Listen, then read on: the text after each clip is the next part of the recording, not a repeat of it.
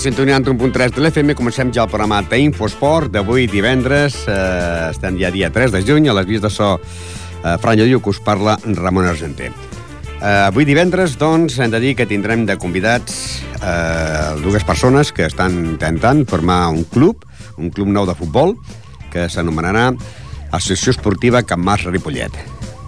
Eren dos, ja sabeu que l'ESDI les va separar, i que, per una part, una directiva va, ha creat l'associació esportiva Sarrià, també de Ripollet i de futbol, i avui vindran per parlar del nou equip Associació Esportiva Can Mar Ripollet. També hem de dir que podeu sentir un altre puntet de la FM a través de, de Ripollet Ràdio i també, doncs, si teniu internet, lògicament, podeu eh, sintonitzar i veure el nostre webcam a través de, dels programes que en directe, ens podeu veure per internet i també ens podeu veure, escoltar i veure eh, per ripollet.cat. Hem de dir que Eh, ahir va haver un partit important, on el Ripollet D es va proclamar campió ja a, matemàticament a falta d'un partit. Però abans de tot, hem de dir que aquest cap de setmana hi haurà un partit d'homenatge a Manolo Jiménez. El diumenge a les 5 de la tarda tindrà lloc en el camp municipal de l'Industrial un partit d'homenatge al que fou molts anys eh, delegat de la penya Portia Pajaril. S'enfrontaran l'equip de la penya Portia Pajaril l'escola futbol Palsa de Ripollet. El delegat Manolo Jiménez era un gran aficionat al món del futbol i sempre amb la penya Portiva Pajaril. També era un gran aficionat al món del tennis, que precisament practicant aquest esport a les pistes del poliesportiu, a l'acabar el partit i ja estant al vestuari va, obtenir, va sofrir un infart. Durant uns mesos va estar en coma i finalment ens ha deixat. Esperem que aquest diumenge la gent respongui i aquest merescut homenatge a Manolo Jiménez, que serà el, diumenge a partir de les 5 de la tarda. Precisament, recordarem les paraules que l'entrenador notificava, notificava eh, en directe a, a través del programa d'Infosport del dilluns. També hem de dir que el món del futbol sala, l'equip B del Ripollet, ha quedat campió. El segon equip de futbol sala de Ripollet, que cada temporada ha pujat de categoria, aquest any ha fet el mateix. Aquest dijous, en partit ajornat contra el tercer de la Lliga, que també li anava al títol, va guanyar en un gran partit el Llagostense per 6 a 4, amb tres gols d'Isaac Pedrazo, que serà el guanyador del trofeig d'Infosport. Aquest dissabte jugarà el pavelló Joan Creus, a l'últim encontre de la Lliga, a les 5 de la tarda, i ho farà contra l'equip del Castelldefels, que és l'equip del CCR.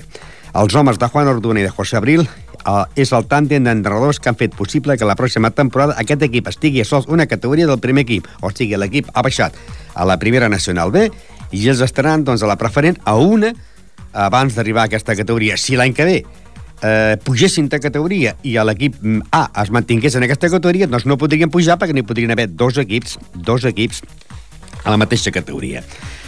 Eh, anem a recordar, doncs, eh, que eh, aquesta setmana ja sabeu que la setmana passada va acabar la Lliga de Futbol i va acabar la Lliga amb una derrota del Club de Futbol Ripollet, però que va guanyar, va guanyar eh, el camp del que el Canyella va guanyar el Canyelles per 3 gols a 1 i l'únic gol del Ripollet va marcar el jugador Novo. La Lliga s'ha acabat, el Ripollet ha quedat campió, 73 punts, eh, 75 gols a favor, 29 en contra, seguit del Figueres 171, Mollet 63, Avià 62, Manresa 60, Farners 60, Horta 59, Canyella 58, Premià del 54, Tona 46, Turó de la Pere 44, Granollers i Gironella 42, Banyoles 32, Palau 30, Palafrugell 28, Caçà 25 i a l'últim lloc el Mataró que ja es va retirar. El màxim golejador ha sigut el senyor, eh, el jugador Rubén Pérez, amb 21 gols.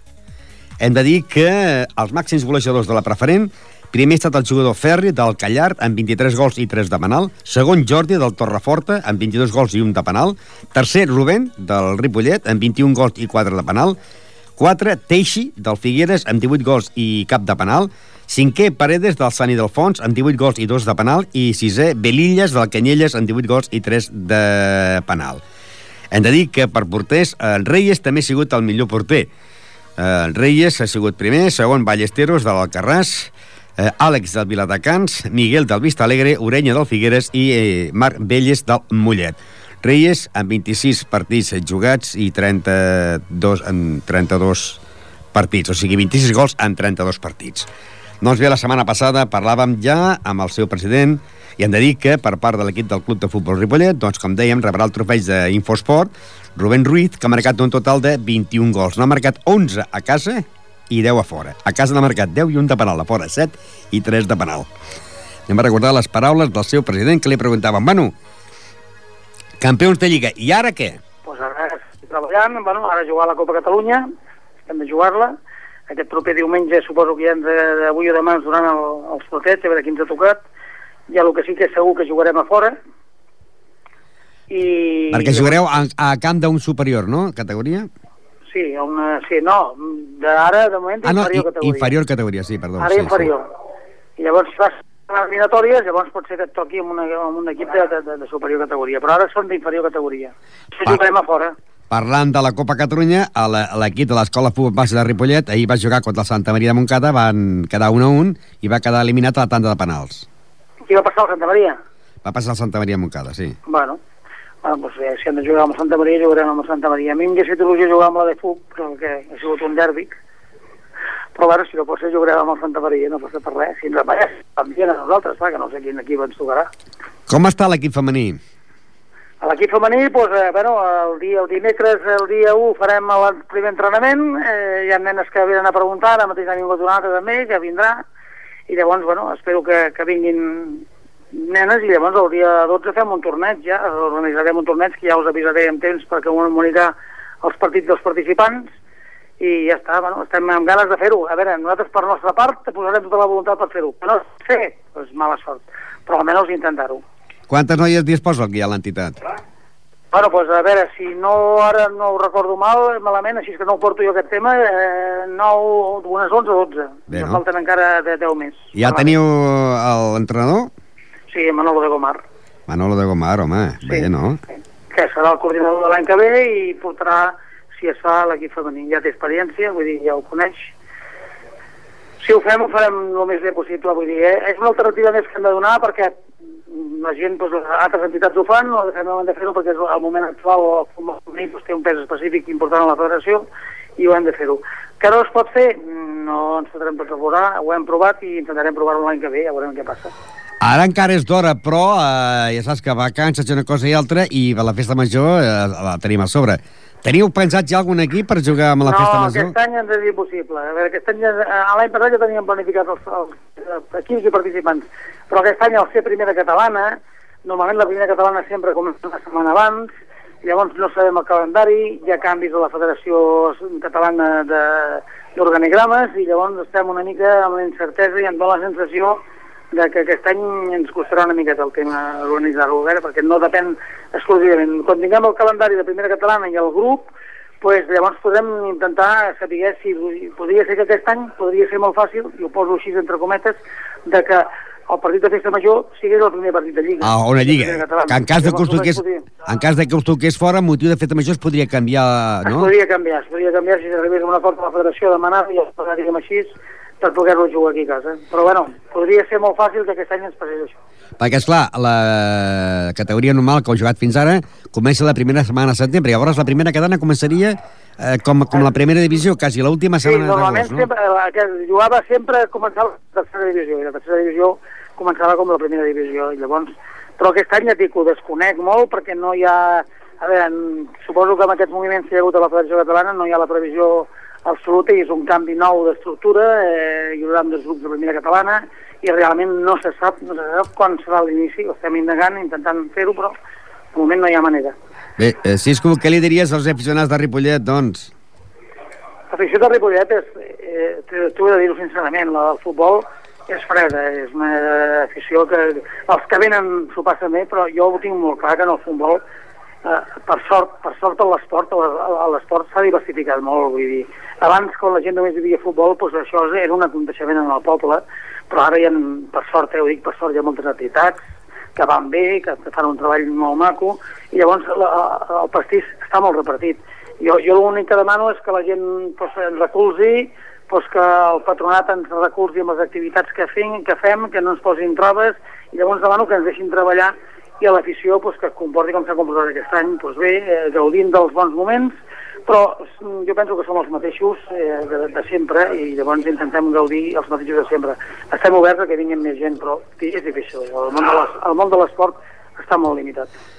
Doncs moltes gràcies i pensar ja doncs, que el dia 12 de juny en aquest torneig per primer femení, ja no? Ja em posaré en contacte amb vosaltres i us diré i llavors eh, torno a aprofitar la benentesa de que qualsevol nena que vulgui practicar eh, futbol femení, que es posi en contacte amb el Club de Futbol Ripollet, que vingui aquí, que pregunti, i si no, que el dia 1 de juny a les 8 eh, de la nit, aquí el dimecres, farem els primers entrenos. Futbol, futbol, Les paraules que manteníem amb el seu president Xisco Milà del Club de Futbol Ripollet. Recordeu, recordeu que el dilluns, el dilluns, el programa durarà mitja hora només. Durarà mitja hora eh, perquè parlarem primerament de uh, l'últim partit de la Lliga de Futbol Sala, que el Futbol Sala ja és campió, però li queda aquest partit de la Santa, que jugaran aquest dissabte, i llavors parlarem del partit d'homenatge a Manolo Jiménez, que jugaran a l'equip de la Penya Portilla Pajaril i a l'equip de l'Escola Futbol Base de, de Ripollet, a l'antic equip de la de Fut. I dic que durarà mitja hora perquè llavors eh, eh, connectarem amb els, amb els nostres companys dels serveis informatius que estaran a la sala d'actes de l'Ajuntament de Ripollet pel ple, aquest ple que hi haurà en l'Ajuntament de Ribera. Per tant, recordem que el, el dilluns el programa durarà mitja hora. Eh, hem de dir que també la setmana passada, el diumenge, es va posar punt i final al campionat de la segona categoria territorial, on ha estat un any de pas a l'equip de la penya Portia Pajaril. Va jugar aquesta categoria com a campió, però ha perdut la categoria després de que l'últim partit que va perdre a casa contra el Martorella 0 en l'últim minut, Poteix, que ara tenia esperances de, de, de, de salvar-se, però aquell partit i la derrota a Serranyola per 6 a 3, amb dos gols de Carlos i un d'Ignacio Minuesa, ha fet que la penya partida Pajaril perdi la categoria l'any que ve jugui la tercera ter territorial. Líder i campió, Sabadellenc en 76 punts, seguit de Lliçà de Vall en 74, Bellavista 69, Serranyola B 62, Cardedeu 61, La Torreta 58, Sant Eulàlia 53, Sant Joan de Montcada 51, Montmeló i Martorelles 46, Vilamajor 45, Alet Vallès 42, Pitres 41, Eh, I aquesta zona, ja aquí em sona de descens. Del 13 al 18, zona de descens. Eh, baixen el Pitres en 41 punts, Palau Tordera en 37, la Penya Portiva Pajaril en 34, l'Ametlla en 28, Sant Esteve en 22, Parets B en 12. La penya Portiva Pajaril baixa, ha perdut la categoria, quedant en el lloc número 15 amb 34 punts, amb 54 gols eh, en contra i eh, 71 a favor. Eh, també recordem que el seu màxim golejador eh, serà el jugador Carlos Minuesa, que és el que s'emportarà el trofeig d'Infosport. Eh, eh, I precisament amb el seu entrenador, o sigui, el seu segon entrenador, eh, Juan Antonio Torres, li preguntàvem si s'esperava que Minuesa va ser el golejador quan aquí es comunicaven doncs, la mort de Manolo Jiménez. Hombre, yo esperaba si hubiera hecho una temporada como Dios manda que hubiera sido el Ismael, pero el Ismael ha estado mucho mucho tiempo fuera, con sus polemillas y tal. Pero bueno, el Minuesa ya sabíamos que, que sí podía meter goles. Ahí estaba entre el Minuesa el, y el Ismael y poco más. Yo pensaba que entre ellos estaba el máximo goleador, o sea que no me sorprende, ¿no? Ahora habéis acabado la liga. Eh, ¿Y acabáis o haréis algún torneo o preparación ya para la próxima temporada? Pues a ver, en principio ahora el domingo hacemos un partido amistoso con, con la escuela porque hacemos el, el, el, homenaje a Manolo. Manolo Jiménez. Manolo, el coordinador que murió. El coordinador, el delegado. El delegado. Hace unos dos meses y algo. Sé sí. que estaba en coma, tuvo un infarto en el polideportivo. Sí. Manolo Cajarevilla me dijo, le hemos salvado, le hemos salvado, pero luego me enteré que estaba en coma en, en el hospital, ¿no? Pero no, no, ya no sabía nada más. Se complicó la cosa, murió y le vamos a hacer un partido eh, homenaje el domingo a las 5 de la tarde. Domingo a las 5 de la tarde. Buen horario, ¿no? Vamos, eh, a ver, el domingo se ha hecho ese horario para que pudiera asistir el máximo de gente posible. Os habéis ofrecido las dos entidades, ¿no? Las dos entidades que jugáis en el mismo campo. La Escuela sí. de Fútbol Base, o sea, la antigua de fútbol, y la Peña Portilla Pajaril, ¿no? Sí. Claro, porque desde que tuvo ese infarto, eh, Manolo era todavía el delegado de la Peña. Sí, sí, Manolo era el delegado de la Peña desde, bueno, desde hace muchísimos años hasta, hasta que murió el pobre. Pues ¿cuánto ha fallecido? ¿Eh? ¿Cuánto falleció? Pues hará unos dos meses y algo falleció. Pues, Al poco tiempo del infarto. Yo sé que estuvo en coma, entonces pregunté y decían, está en coma, pero no. Bueno, es que el del infarto salió, luego se le encharcaron los pulmones, lo volvieron a dormir. Cuando ya vieron que, que los pulmones lo tenían más o menos arreglados, que quisieron despertarlo otra vez porque fueron un coma inducido y ya no despertó. Lástima. Bueno, pues mm, el próximo... eh, Has dicho próximo domingo, ¿no? Sí, el domingo a las 5 de la tarde. Domingo a las 5 de la tarde estaremos presentes, pues, en Ripollet Radio en ese homenaje a Manuel Jiménez. Un hombre que ha estado toda la vida en ese campo y toda la vida con la Peña Partida Pajarín, ¿no? Sí, desde aquí hago un llamamiento a través de Radio- Radio Ripollet para que todo el mundo que quiera asistir, pues por favor que asista. Pues me has dejado helado, ¿eh? Sí, bueno, yo pensaba que lo sabía. No, no, no. Sabía lo del infarto, sabía que había estado en coma, que se había recuperado, pero ya no sabía nada del fallecimiento. Y además, además, en el campo, pues no me lo comunicó a nadie. Pues ya te digo, yo pensaba que lo sabías, por eso no tampoco te había comentado nada. En fin, lástima porque era un gran amigo mío también, Manolo. Bueno, pues eh, nos veremos el próximo domingo a las 5 de la tarde para ese homenaje a Manolo Jiménez, que haréis la Peña Partida Pajaril y el, la Escuela de Fútbol Base de Ripollet. Gracias, De. José Antonio. De acuerdo, Ramón, gracias. Futbol, futbol. Les paraules de José Antonio Torres, segon entrenador de l'equip de la Penya Partida Pajaril. I també aquest cap de setmana es va jugar l'últim partit corresponent ja a la Lliga, de, pel que fa a l'Escola Base de Ripollet, que va jugar el partit de la Copa Catalunya contra el Santa Maria de Montcada. El partit va acabar amb un empat a un, però que llavors a la tanda de penals, en la tanda de penals, doncs van empatar a 4, en van fallar un cada un, i llavors allò van tornar a tirar tantes de penal, i el primer, el primer que falli, plega, eh, acaba, doncs va, marcar, va fallar el jugador Juanjo de l'Escola Futbol de Ripollet el gol i va marcar a l'equip del Santa Maria Montcada i van eliminar. És partit únic. També parla, parlàvem, doncs, amb el seu entrenador, Xesco, que li preguntàvem que la tanda de penals, qui va tirar el primer? Nosotros empecemos eh, chutando, empezó el Puy chutando. Uy, 1 a 0, a favor vuestro, ¿no? Sí, sí. Nosotros fallamos el, el tercer penalti, me parece que fue, que lo falló David Franco. El- un, go- un goleador, ¿no? Sí, sí, uno de los goleadores. Es raro, pero mira, lo falló. Le adivinó el portero el sitio y lo falló. Lo falló. Y luego ya con el empate ya, ya es un poquitín de suerte, ¿no? Ya.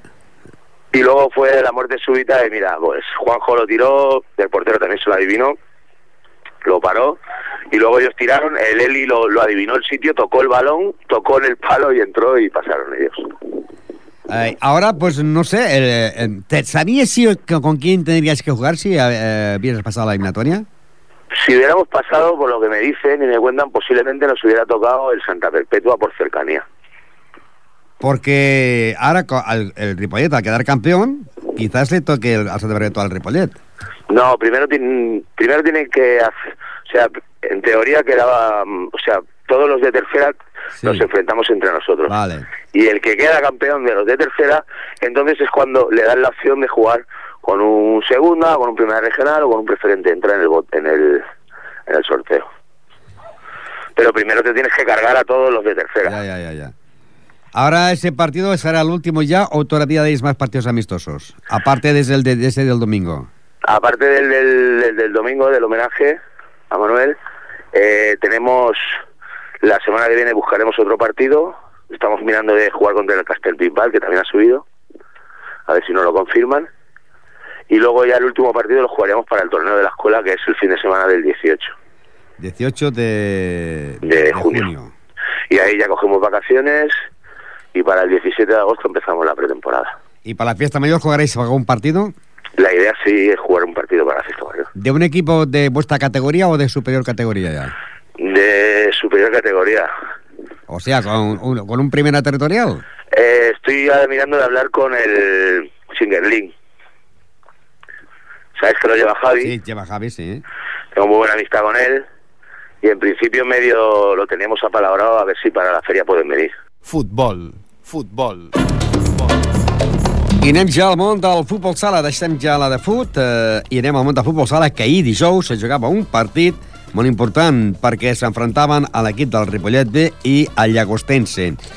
El Ripollet B amb 60 punts, a l'Ella amb 60, perdó, eh, amb 60 punts, però al Ripollet li faltava el partit que es va jugar. I el Llagostense en 55. Per tant, el Ripollet tenia que guanyar aquest partit. Tenia que guanyar aquest partit per quedar campió, i així ens ho va fer.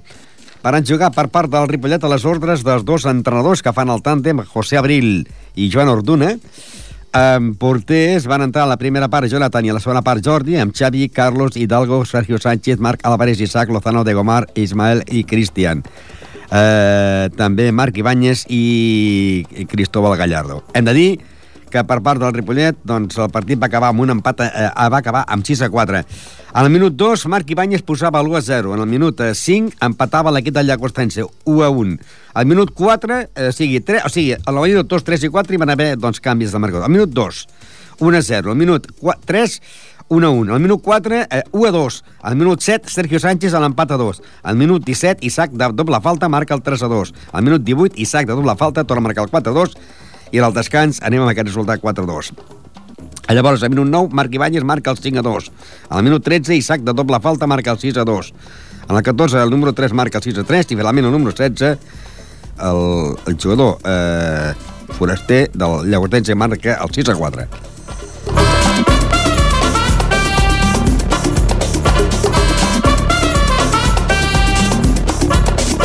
Momentàniament ara el Ripollet és campió amb 63 punts, seguit de la Lella amb 60 i el Llagostense amb 55. Però queda la jornada d'aquest cap de setmana que el Ripollet jugarà contra el CRC de Castelldefels i s'acaba la Lliga. A l'acabar el partit, doncs, parlàvem eh, tenien que cridar força perquè estaven ja mantejant els jugadors per celebrar el títol a, a falta de la jornada i parlàvem amb el seu president Jordi Martín.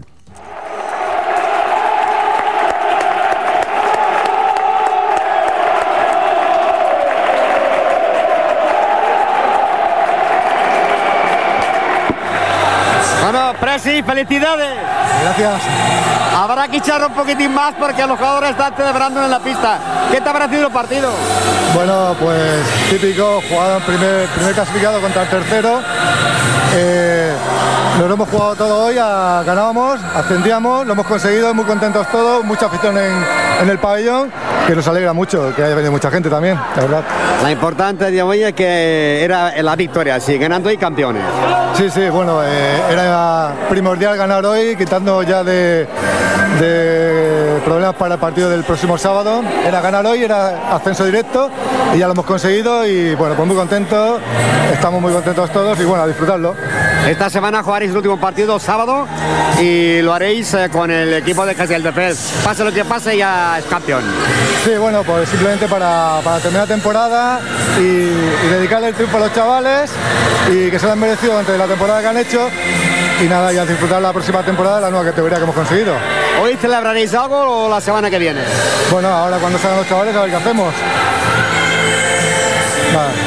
Suerte y felicidades. Gracias. Que te van a batear.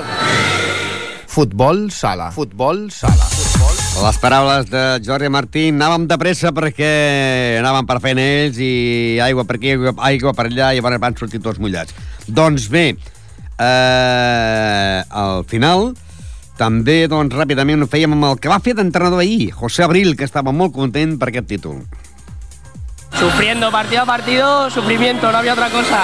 Y tú en el equipo de anotador, de entrenador y de delegado. De todo, empecemos como segundo entrenador y bueno, por causa mayores el entrenador tuvo que dejarnos y, y aquí está con el equipo, no les podía dejar y menos en estos partidos últimos.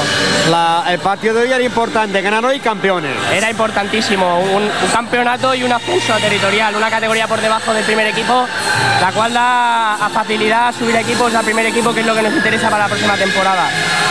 En caso de empate, eso tenía que haber esperado la semana que viene. Correcto, se tenía, nos teníamos que haberla jugado en casa el sábado este. Y ahora esta semana jugaréis con el Carcel de Fels, el CRC, y ya pasa lo que pasa, campeones. Sí, sí, campeones. El partido que venga a, a disfrutar y, y a nuestro público, a dedicárselo a nuestro público. Suerte y felicidades. Muchas gracias. Futbol sala. Futbol sala. Doncs bé, aquesta setmana se jugaran aquests partits. Espluga Sant Just, Llagostense Castellà. Descansarà l'equip del Xarxa, Esporting Prat Cornellà, Viladecans Cervelló, a l'Illa Sant Coler, el Bruc Sant Sur i el dissabte a partir de les 5 de la en Ripollet B, CRC de Castelldefels. I com dèiem, líder, el Ripollet B amb 63 punts, segon la Lella amb 60 i el Llagostense en 55. Més distanciat ja queda el Castellà amb 52 i l'equip que es visita, que és el CRC de Castelldefels, té 50 punts. I baixaran a l'Sporting Prat i a l'equip del Bruc. Queda aquest partit que serà demà. Però passi el que passi, a l'equip del Ripollet B ja és eh, el guanyador, eh, el campió. I aquest cap de setmana van marcar Marc Ibáñez dos gols, Sergio Sánchez en va marcar un, i Isaac Pedrazo, que serà el que s'emportarà el trofeig de màxim anotador màxim golejador del futbol sala Ripollet, va marcar ahir tres gols de doble falta. Ara anem al món del tenis taula. Tenis taula. Tenis taula. Tenis... Ja sabeu que la món del tenis taula doncs, també es van jugar en aquests, es van jugar els campionats de Catalunya que es van jugar aquest cap de setmana i ja hem de dir que doncs, eh, va tenir èxit, èxit de participació perquè es van fer, van haver un total de 30 equips de tot Catalunya amb més de 225 jugadors i que a la categoria individual femení la jugadora Berta López del Club Tenis Taula Finca Ripollet doncs, va obtenir la medalla de bronze al quedar tercera. Perquè fa la categoria juvenil masculí, doncs eh, el jugador Raúl Porta fent parella amb Ramos, Jordi Jason Ramos del Mataró, van obtenir la medalla d'or en el Campionat de Catalunya de dobles. Perquè fa el doble, dobles masculins, perquè fa el dobles eh, femenins, les jugadores Laura Chirita i Júlia López van quedar subcampiones de Catalunya obtenint la medalla de plata. Perquè fa els dobles femenins, la jove parella formada per eh, Gemma Rico i Lídia Costa van ser les terceres obtenint la medalla de bronze en la categoria de l'Evi femení. I, I en categoria d'equips juvenils, el Club Tenis Taula Sandaco Ripollet va quedar quart obtenint la medalla de bronze i el Finca Ripollet femení va també ser quart obtenint la medalla de bronze. O sigui que sis medalles van aportar al Club Tenis Taula Ripollet, que també li preguntàvem, doncs, eh, en el seu president Romà López que quina valoració feia pels jugadors del parc del Ripollet.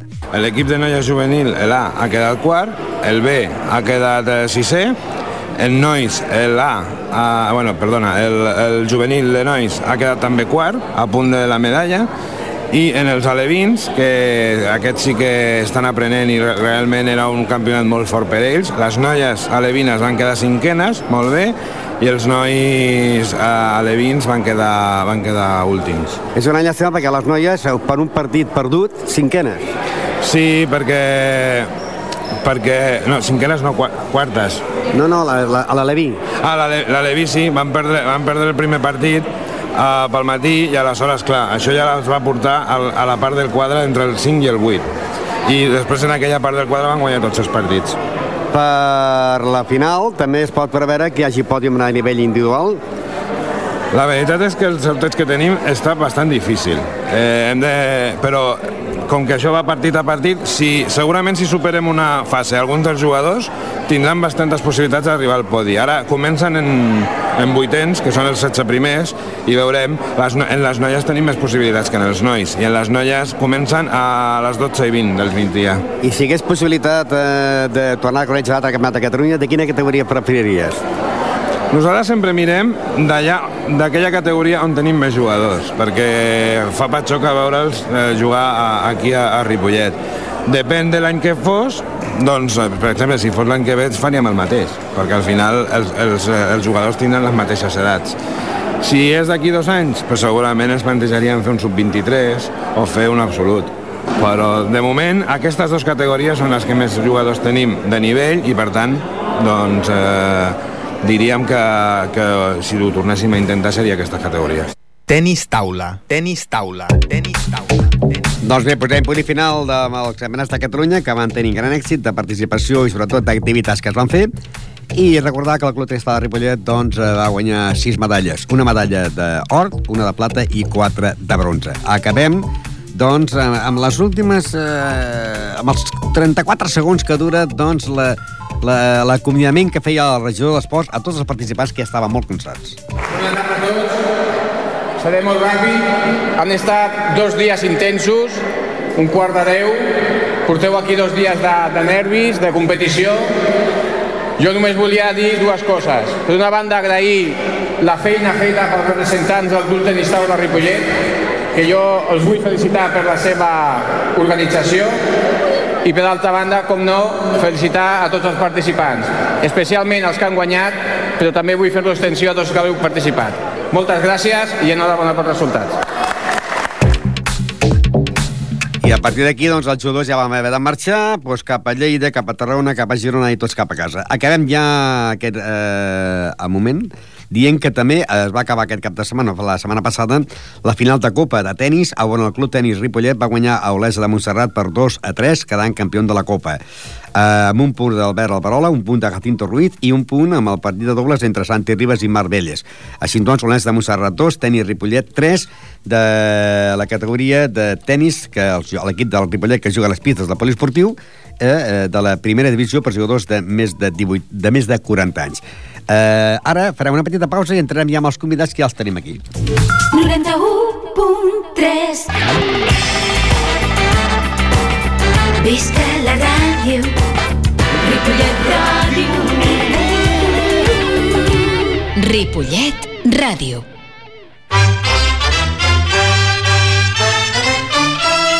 Tenores, flaviols, tamborins, tibles, fiscorns... Les cobles d'arreu de Catalunya tenen cabuda a Ripollet Sardanista, un espai exclusiu per la nostra música amb repàs dels principals aplecs de la setmana. Ripollet Sardanista, els divendres de 8 a 9 del vespre, perquè la ràdio també sona la tenora.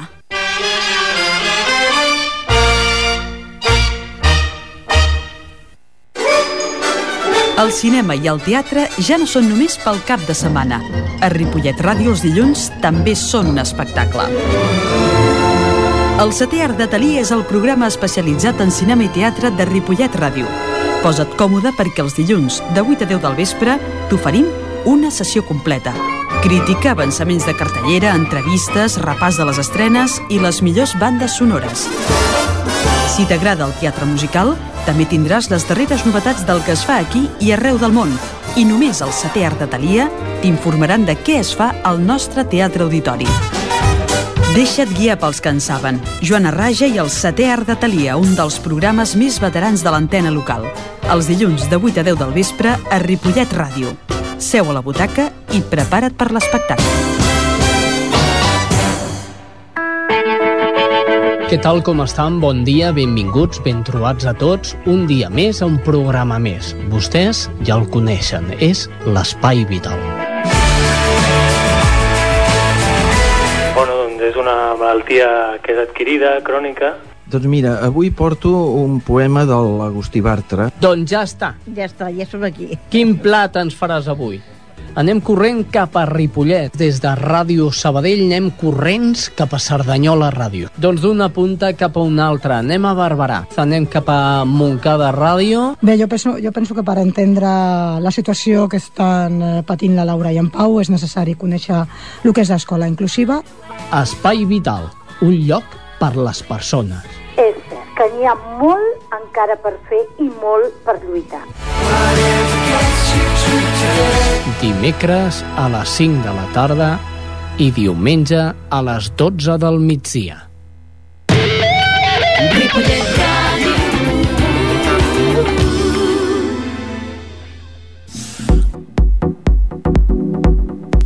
Eh, continuem en directe ja quan estem a la recta final del programa i tenim aquí dos, dos persones que eh, José Luis Gordo i José Luis Pérez que formaven part eh, un com a directiu, directiu entrenador i l'altre com a jugador de l'equip de l'Esdila, però l'Esdila va desaparèixer i ara ells venen aquí per parlar de la nova entitat, Associació Esportiva Camp Mas Ripollet. Exactament.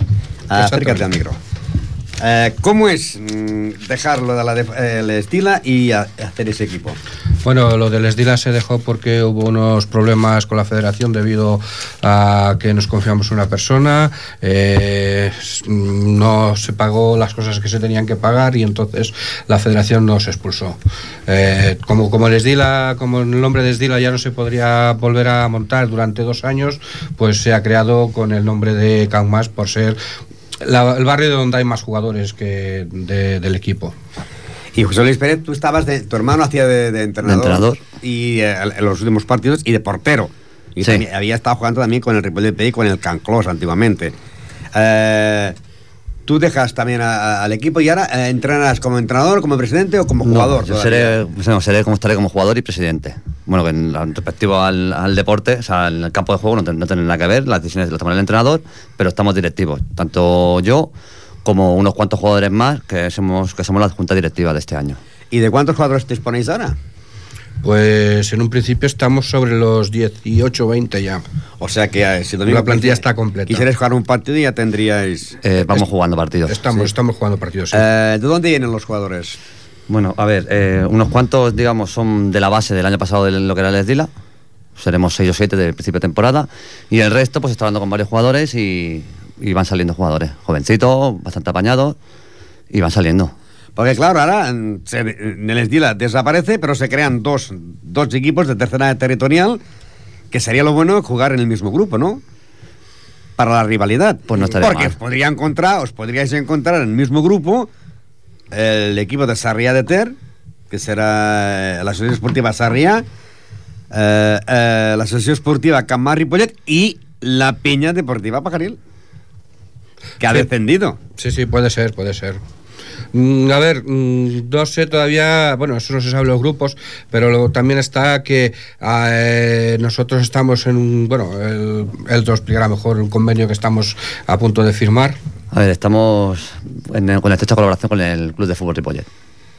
En teoría, este año va- se van a cambiar las cosas. El resto de jugadores, digamos, de los 6, 7, 8 del año pasado, que era base, más los que fueron viniendo el año pasado de la Esdila, seríamos unos 13, 12, 13, 14, y el resto de jugadores vienen procedentes del Ripollet. O sea, sería eso, el, el, el Ripollet. No, todavía no sería así. Pero- sería pero- una colaboración, una colaboración muy importante con ellos, por lo menos para nosotros, una colaboración muy importante de momento. Pero esta colaboración, por ejemplo, ahora empieza la liga. Y vosotros jugáis en vuestra tercera categoría territorial, grupo X, ¿no? Y os encontráis con diferentes equipos, pero eh, el Ripollet necesita un par de jugadores aquella jornada. ¿O los puede coger? Sí. Eh, se trata de eso. Eh, es un trato de, de colaboración que si el, el club Sí, para, sí, para la próxima considera, temporada. considera o le hace falta, pues entonces sí que podría venir. Pero para la próxima temporada o ya podrían jugar eh, en la teoría, misma jornada. Automáticamente la misma, eh, la misma temporada. la misma temporada.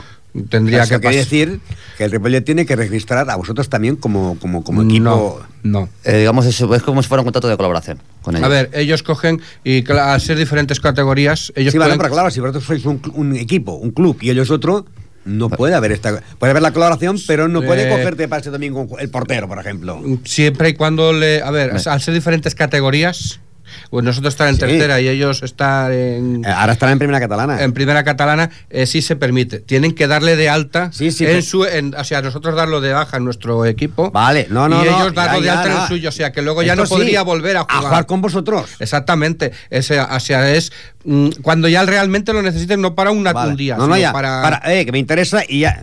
Yo, yo de- que no fuera como, como, como filial, No, entonces juega un partido y al No, no, y el no. domingo no, no, no, no, no, no. Por eso él Porque- Es una colaboración Na- que, eh, de ellos con nosotros, nosotros con ellos. No como que el Ripollet, yo se me he estado luchando y diciéndoles que, que les faltaba un equipo, mm, otro equipo amateur, porque el salto es muy grande, ¿no? De un juvenil, ¿qué hace un juvenil?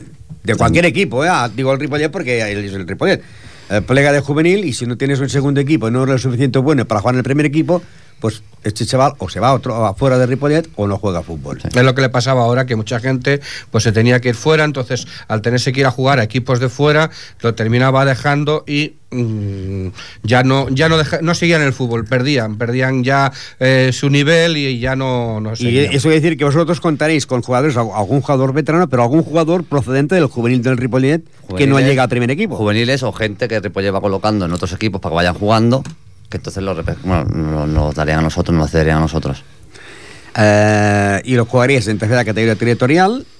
Y lo bueno sería, ya digo, para, para la afición, pues de que os encontrarais no los, mal, los tres mal. grupos. Además, Sí, eh, lo que pasa es que yo creo que en vuestra categoría podéis pedir el grupo. Se puede Sí. pedir el grupo. Se puede pedir. Ah, bueno, yo creo que el primer año que estuvo Estila lo pidió y estabais en el mismo grupo. Sí. Entonces, yo que todavía no estoy muy informado sobre eso y se puede pedir. Yo Sí, creo sí, eh, sería importante porque, pues claro, el mismo grupo, tres equipos de Ripollet, aparte de eso, que son tres desplazamientos desplazamientos que no haces, porque juegas en tu casa, juegas contra la Peña Portilla Pagaril, por dos veces en, en Eh, vuestro y el- campo. Y el morbillo ese de, Ah, jugar con aquí- gente aquí del pueblo, el- está, la la está, broma. ¿no? Yo, yo sería, sería importante y os costaría más barato porque serían desplazamientos menos, ¿no? Pero vosotros, aparte de ese equipo, haréis otro equipo juvenil, por ejemplo, o solamente De el momento- amateur. De momento solo amateur. Mm, a ver, con el tiempo pues se verá, pero de momento solo amateur. ¿Y habéis decidido los colores de, de- de la entidad? ¿Cómo será? ¿Qué Sí, a ver, la equipación es azul y amarilla, la misma que teníamos el año pasado por eso. La, la, la, la, la- para que la gente lo sepa, la, la equipación que llevaba el estilo. Sí, como no, no estaba, no tiene sponsor ni nada, está el- limpia, pues aprovecharemos. Ya que la tenemos, la, aprovechamos. Y vamos haciendo cositas. Hemos, nos hemos abierto la página en el Facebook. También vamos, vamos haciendo cositas, vamos haciendo carnet de socio, a gente del barrio que quiera colaborar para echar una manilla y vamos haciendo. La gente que se quiera hacer socio de vuestra entidad, que, que, ¿cuándo tiene que pagar? Eh, nosotros hemos puesto una cuota anual de 15 euros. Una cosa Anual de 15 euros. Sí. Barato, ¿no? Es una cosa simbólica. eh, A nosotros, al equipo, le ayuda mucho porque si son, por ejemplo, por poner algo, eh, 100 personas a 15 euros, son 150, eh, eh, no, eh, 1.500 euros. Con eso casi casi se cubren mm, el 70-80% de los arbitrajes. Lo que iba a preguntar yo, ¿por qué que, que, a- a- en una temporada, eh, en esta categoría, qué se puede gastar en arbitrajes? En arbitrajes casi los 1.800, 2.000 euros, dependiendo a partidos amistosos que se hagan y todos, mm, pero arbitrajes normales de liga 1.700 euros. Y luego desplazamientos son los jugadores, cada uno Cada uno sus coches y nada más, ¿no? Solamente está. hay que pagar a la, a la- ¿Pagáis cuota mensual a la federación? No, también se paga una cuota de inscripción por jugador, cuota de inscripción por el equipo y ahora pues para darte de alta también tienes que pagar otra cuota de 500 euros, bueno, 700 eh, 650 euros. No, este no año. que dejar a fondo perdido. Sí, bueno, que son esto de los 650, dejas unos 400 a fondo perdido y tienes 250 que son en previsión de tarjetas por si luego se retira el equipo poder cobrarlas, cosas así. Y luego, eh, ¿qué días en días de entrenamiento? Estamos en ello todavía. Hemos hablado con Tony, con Tony Abad, y tenemos que pedir el campo, a ver los días de entrenamiento que solicitamos y a ver. Claro, porque ahora resulta que en este mismo campo jugarán dos equipos más. Un equipo más, digásemos, ¿no? Un equipo más. Eh, porque ahora ya jugaba eh, eh, los equipos de la de, la de fut, ahora Escuela, el equipo tercera territorial, la Peña Partida Pajarillo y el Esdila. En este caso no estará el Esdila, pero habrá uno, un equipo más, nada más, un equipo más. O vosotros o el otro, los otros. A ver, estamos esperando más. que nos llame Tony para Tony reunirnos y a ver, de Deportes. y a ver cómo, cómo está. Ahora la Esto- prioridad la tiene la, la- la escuela de fútbol base. Claro, porque mejor quedaría... ¿vosotros ¿A qué, qué- qué días os gustaría poder entrenar y horas? Hombre, en teoría sería mantenerlo lo que teníamos el año pasado, a lo mejor cambiar en vez de un, un martes para hacerlo un lunes. Porque con el Esdila, ¿qué, qué horario teníais? de 9 a 10 y media. ¿Y estas no las podéis recuperar? Estas... Mm, A ver, en un principio, hablando con Tony Abad, nos comentó que intentaría mantener nuestro, el horario del Esdila, tanto de los entrenos como de jugar a las 4 de la tarde del sábado. Ahora, y, El- y entonces el otro grupo, el otro el equipo de Sarriá, no sabéis... Hasta que no nos reunamos con, con Tony no sabemos nada. A ver, todavía. tampoco es fi- fijo el nuestro. Eh, él nos dijo que lo miraría, tampoco es una cosa fija que lo vaya. A lo mejor coge y nos quita a nosotros un día para dárselo al del TER, no sé. Porque compaginar también, mm, claro, porque entonces el, el equipo de la Escuela de Fútbol Base de Ripollet eh, viene jugando, jugaba los domingos a las 12. Yo digo porque es claro, son cuatro equipos de, que jugarán en ese mismo campo. Por ejemplo, si nos regíamos al horario de esa temporada, la Escuela de Fútbol Base de Ripollet, la antigua de fútbol, jugaba los domingos a las 12 y la Peña Partida Pajaril jugaba los sábados a las 6 A de la seis. tarde. Y vosotros habíais jugado unas temporadas el domingo por la mañana a las 10 y otras Sí. el sábado por la tarde, ¿no? Sí, principio- las dos primeras temporadas se jugó a las 10 de la mañana y después se cambió a las 4 de la tarde del sábado. Y entonces tendríais que pedir y ponerse de acuerdo con el otro equipo de Sarria, por ejemplo, de, de que mientras vosotros aquí eh, jugáis aquí, ellos van afuera, o viceversa. Sí, bueno, eso también es una cosa que ya Federación mm, intenta, mm, ve- viendo que los, los equipos Claro, que, que juegan en, el mismo, en campo, los mismos ¿no? campos, pues mm, también los horarios que nos den, porque claro, eh, ya mismo el mismo PAME mirará de que no darle al TER eh, la misma hora que, que a nosotros. Intentará dar- dar- darle, si a nosotros a la sábado a las 4, a lo mejor le da a ellos el, el sábado a las 2. ¿A vosotros qué os gustaría jugar? ¿Los sábados por la tarde a las 4 o los domingos a las 10 de la mañana como teníais A ver, en antes? teoría sería jugar los sábados y a las 6 de la tarde. A las sería, un buen, sería un buen horario. Ese ahora lo tiene en la Peña. Ya. Que es el equipo más bueno, antiguo. de todas formas, Sería el antiguo más, eh, más antiguo, el industrial, pero desapareció, pero ahora es la Peña. Pero de ¿no? todas formas estamos mirando, porque dentro del contrato de colaboración con el Ripollet está mirando varias cosas también. Sea, no solamente... Porque que- jugar en el campo del, Del Ripollet, Ripollet. Se está mirando, se está mirando a ver si es posible o no es posible. Está mirando. O sea, todavía no se puede decir nada, si es seguro, si no es seguro, pues entonces por eso, hasta que no... Lo que pasa es que esa temporada que empezará en septiembre, a finales de septiembre, vosotros ya empezaréis la liga, ¿no? Sí. Sí. Porque la temporada, eh, este año es adelantado, bueno, este año, eh, a la primera catalana, el Ripollet este año quizás no jugará por la fiesta mayor, porque en primera catalana eh, creo que empiezan el último domingo de, de mes de, de agosto, ¿no? Por tanto, ellos coincidirían en un partido de fiesta mayor con un, un- uno de liga, y que si fueran Sí. afuera lo, lo harían el cambio, ¿no? Pero la liga... Luego, eh, las diferentes categorías se van incorporando durante el mes de septiembre y prácticamente creo que si no sé si es la última semana o la penúltima semana de septiembre, da comienzo la tercera territorial que es la que tenéis vosotros. Sí, O sea la que- última semana de septiembre, primera de octubre es cuando suele empezar tercera territorial. ¿Y hasta ahora ya habéis hecho algún partido amistoso? Sí, vamos haciendo. Hemos jugado cuatro ya en varios sitios y de momento los resultados no son malos. Nos han ganado dos, se han empatado uno y se perdió otro que fue este último domingo. Luego, eh, lo mismo que le pregunté a la de fútbol, bueno, a la escuela de fútbol base de Ripollet y a la Peña, por la fiesta mayor, eh, ¿jugaréis algún partido ya como presentación de la temporada? Se está mirando, vamos un poquito justitos también, porque claro, somos- estamos empezando, tienes que mover mucho papeleo, tienes que ir para arriba, tienes que ir para Ah, abajo. pero amistoso, ¿eh? Partido amistoso, fiesta mayor. Sí, supongo yo que sí, tenemos Porque piensa que la fiesta mayor es el, la última, el último domingo del mes de agosto. Sí, hombre. Eh, a cabo de 15 días empieza la liga. Sí, en teoría Ya tienes sí. que tener el equipo preparado. No, en teoría sí, porque queremos empezar la pretemporada sobre mitad de agosto también. Para que cuando ya empiece la competición, que no, no sea un mes escaso que estés entrenando. Pero claro, falta reunirnos, que nos reunamos bien la junta directiva en este, antes de irnos de vacaciones, para dejarlo ya todo concretado. A ver cuándo vamos a ¿Y tu, empezar. herma- eh, sí, eh, ¿Tu hermano jugará de portero o no? En teoría, mi hermano contamos con él como entrenador. Como entrenador. De momento, él jugar no va a jugar. Ya se va a buscar también sustituto de portero. ¿No jugará? Seguro que no. Seguro. Solamente entrenador. Por lo menos de un principio. Dice que no va a jugar. Y de momento contamos con él como entrenador. Pues sigue. ¿Y tú como jugador? Yo de momento sí. Yo tengo Eh. mi edad hasta que me aguante, hasta que me aguante el ¿Y, juego, por lo menos mira. ¿En qué puesto juegas tú?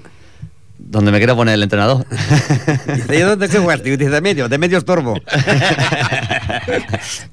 Eh, ¿Y tú, José Luis, eh, de qué eras?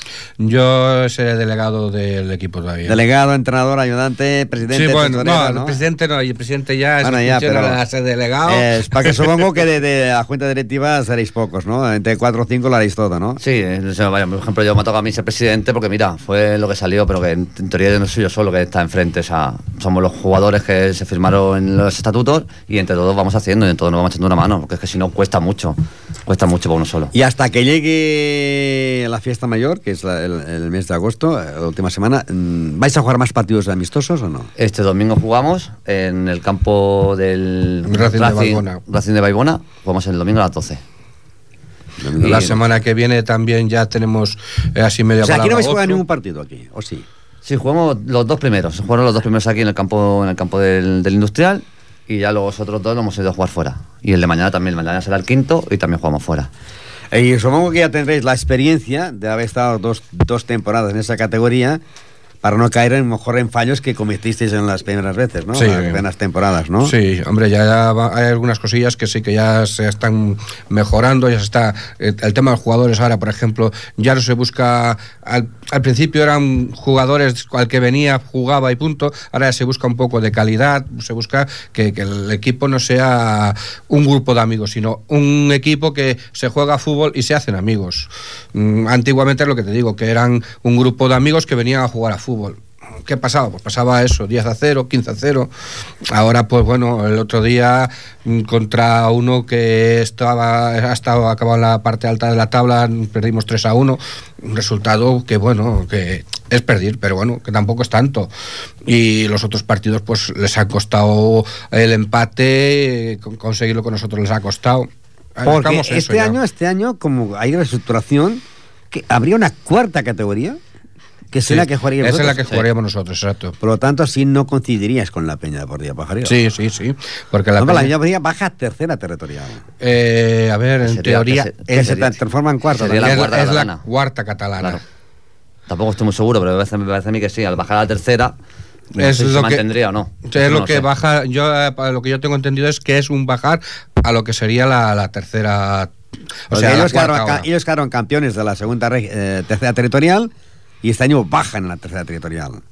Mientras Sí. que la escuela, la- la escuela de fútbol base de Ripollet sube a la, a la categoría que estaba la Peña Deportiva Pajaril. Claro que será el año que viene, esa categoría será la tercera territorial. Tercera territorial. O sea, se hace, eh, desaparece mm, mm, Preferente. pre- mm, Preferente. prefer- regional preferente y, a- y entonces se- cuarta, tercera, segunda y primera. Y luego ya primera catalana. Exactamente. Y desaparece. Quitan la preferente y ponen en la cuarta categoría. Exacto. Le cambian el nombre. tampoco- Eh, tampoco es, un cambio de nombres. Que sí, que también hay una pequeña reestructuración porque una cuarta años- categoría es como si hubiesen, pues en vez de haber 36, gri- eh, eh, eh, no sé, ahora había 36 eh, grupos de tercera territorial. Pues es como si, si en la cuarta categoría jugasen los, los más neófitos. No, no, no, seguirán estando los mismos. Entiéndeme. ¿me entiendes? O sea que ahora, no sé. Mm, Por ejemplo, habrá, habrá eh, menos este año, de tercera. por ponerte un caso, este año nosotros hemos estado jugando contra una Peña Blaugrana San Cugat y el año que viene la Peña Blaugrana San Cugat estará en cuarta territorial. Con vosotros. Exactamente. O sea, lo único que es, eh, se ha cambiado el nombre. Que sí que ha habido equipos que han tenido, que no hubiesen subido con, la, con las categorías que antiguamente, han subido ahora o han bajado. Pero dos o tres. eh, Lo normal es que se mantengan toda esa gente cambiando el nombre de la categoría. Pues, ¿qué le pediríais a la gente que, que quiera ser socio de, de vuestra entidad? Asociación Esportiva Camás Ripollet. Hombre, si quiere más información, en el Facebook del club puede encontrar, que es ae arroba hom- hotmail.es Punto com, o punto com, Punto com. y ahí tiene ahí ¿Y tenemos- por qué se le puso el nombre Camás Ripollet? Surgió de un directivo nos pareció No es que bien ni tenga nada contra Camás, me refiero por el nombre. no no nos pareció bien no, no le vimos mal Es la zona donde La se zona de, digamos, la donde mayor los de jugadores, los del jugadores. barrio, del barrio donde se salió, salió el equipo. Se pidió permiso por el ordenador, no pusieron ningún inconveniente, ningún problema, nos pareció bien. Y así salió. ¿Y pues qué le pedirías a los jugadores de cara a la próxima temporada, a los que habéis fichado? Hombre, eso ya se pone, eso ya se pone, por lo menos compromiso. Sea, compromiso de estar ahí, entrenar, que se puede ganar, que se puede perder, que sí. Pero por lo menos que, que se, se vaya, y se esté, y se luche. Ya está, como se terminó la temporada pasada con lo del Esdila, el último partido que se acabó dando la cara y cosas de este. pues simplemente es eso. El no ¿Cuántos perder. quedan del antiguo equipo? Hombre, de, de cuando se empezó el Esdila son, somos seis. Luego, aparte, durante la No, temporada. ahora, de esta última temporada. Hombre, de los que se han ido entrando a última hora y eso, se han quedado 12, 12, 13, que somos los que somos. Y tú, José Luis Gordo, ¿qué, le pedirías pues, a toda la gente que se quiera ser socio de, de la nueva entidad de fútbol? Hombre, pues eh, que se pase por el la- local de la sede social, que es el Vales Dila, en la Rambla San Jordi 106, y allí pues les, les tomaríamos los datos y le daríamos el carnet de socio. A ver, es una cosa para, para ayudar pues al deporte local. Mm, No tenemos, no tenemos nosotros suficiente dinero como para mm, coger y, y- llevarlo a cabo y hay que hacerlo a base de esto. Esto, publicidad, también estamos buscando gente que nos sponsorice. A ver, si Esto alguien ya- lo escucha ya- y, y quiere sponsorizar ya es con más- algo. Esto ya es más difícil, ¿eh? Porque... Bueno, hay gente, hay gente. a No, se ver, va encontrando, ¿eh? Se va encontrando. mm, que no son gente que digas, ostras, que te doy 3.000 euros, pero bueno, si te dan 100 euros y dicen, no, no, yo simplemente quiero ayudar al deporte, pues bueno, tenemos así un par de ellos, o tres, mm, que nos deja, nos dan 100 eurillos y, y no- ni quieren ni publicidad, no quieren nada, o sea, simplemente es ayudar un poco al deporte. Pues muchas gracias por estar aquí, que tengas suerte en la próxima temporada. Muchas gracias. Venga, gracias a vosotros. I pues posant fi, punt i final al programa, recordeu que aquest cap de setmana també hi ha el torneig de bàsquet del Sant Graviel, 3, 4 i 5 de juny, el torneig número ja, edició número 31 del torneig. El divendres dia 3 comença, que és avui, i pràcticament des de... també eh, hi haurà partits a la pista coberta i la pista descoberta. Eh, molts categories, pre, eh, premini C, premini B, eh, preinfantil, infantil femení, infantil masculí, eh, escoles, mini... Tot això ho podeu veure si seguiu el món del bàsquet, doncs a a l'escola bàsquet Sant Graviel. Posarem punt i final i recordeu, recordeu que el dilluns, que el dilluns el partit durarà, o sigui, el partit, eh, parlant de partits, durarà eh, només que mitja hora perquè hi ha el ple de l'Ajuntament de Ripollet. I recordeu que per acabar, que eh, aquest cap de setmana també a l'equip del, del Club Ciclista Ripollet fa eh, una sortida a les 7 hores del matí amb un recorregut de 100 quilòmetres per anar a la Creu d'Aragall. Adéu-siau i bon cap de setmana.